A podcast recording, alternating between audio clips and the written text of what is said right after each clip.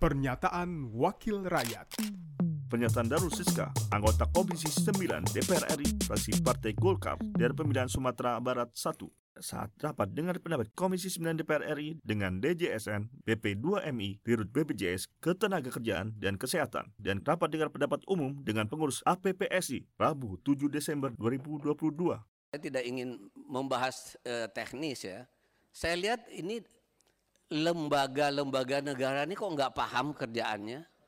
BP2MI bilang BPJS TK kok begini begitu.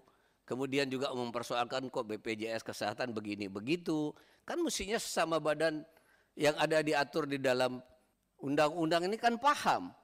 Jadi tidak harus mengucapkan kalimat-kalimat menurut saya yang kayaknya nggak elok kita dengar gitu loh karena ketidakpahaman masing-masing tugas badan. Oleh karena itu saya nggak tahu harus bersaran kepada siapa. Mestinya kan tiga lembaga ini, BPJS Kesehatan, BPJS Tenaga Kerja, BP2MI, adalah rapat koordinasi sehingga tidak muncul hal-hal yang tidak enak kita dengar. Pernyataan Darul Siska, anggota Komisi 9 DPR RI, fraksi Partai Golkar dari pemilihan Sumatera Barat 1, produksi TV dan radio Parlemen Hidup Pemerintahan Parlemen Sekjen DPR RI. Pernyataan Wakil Rakyat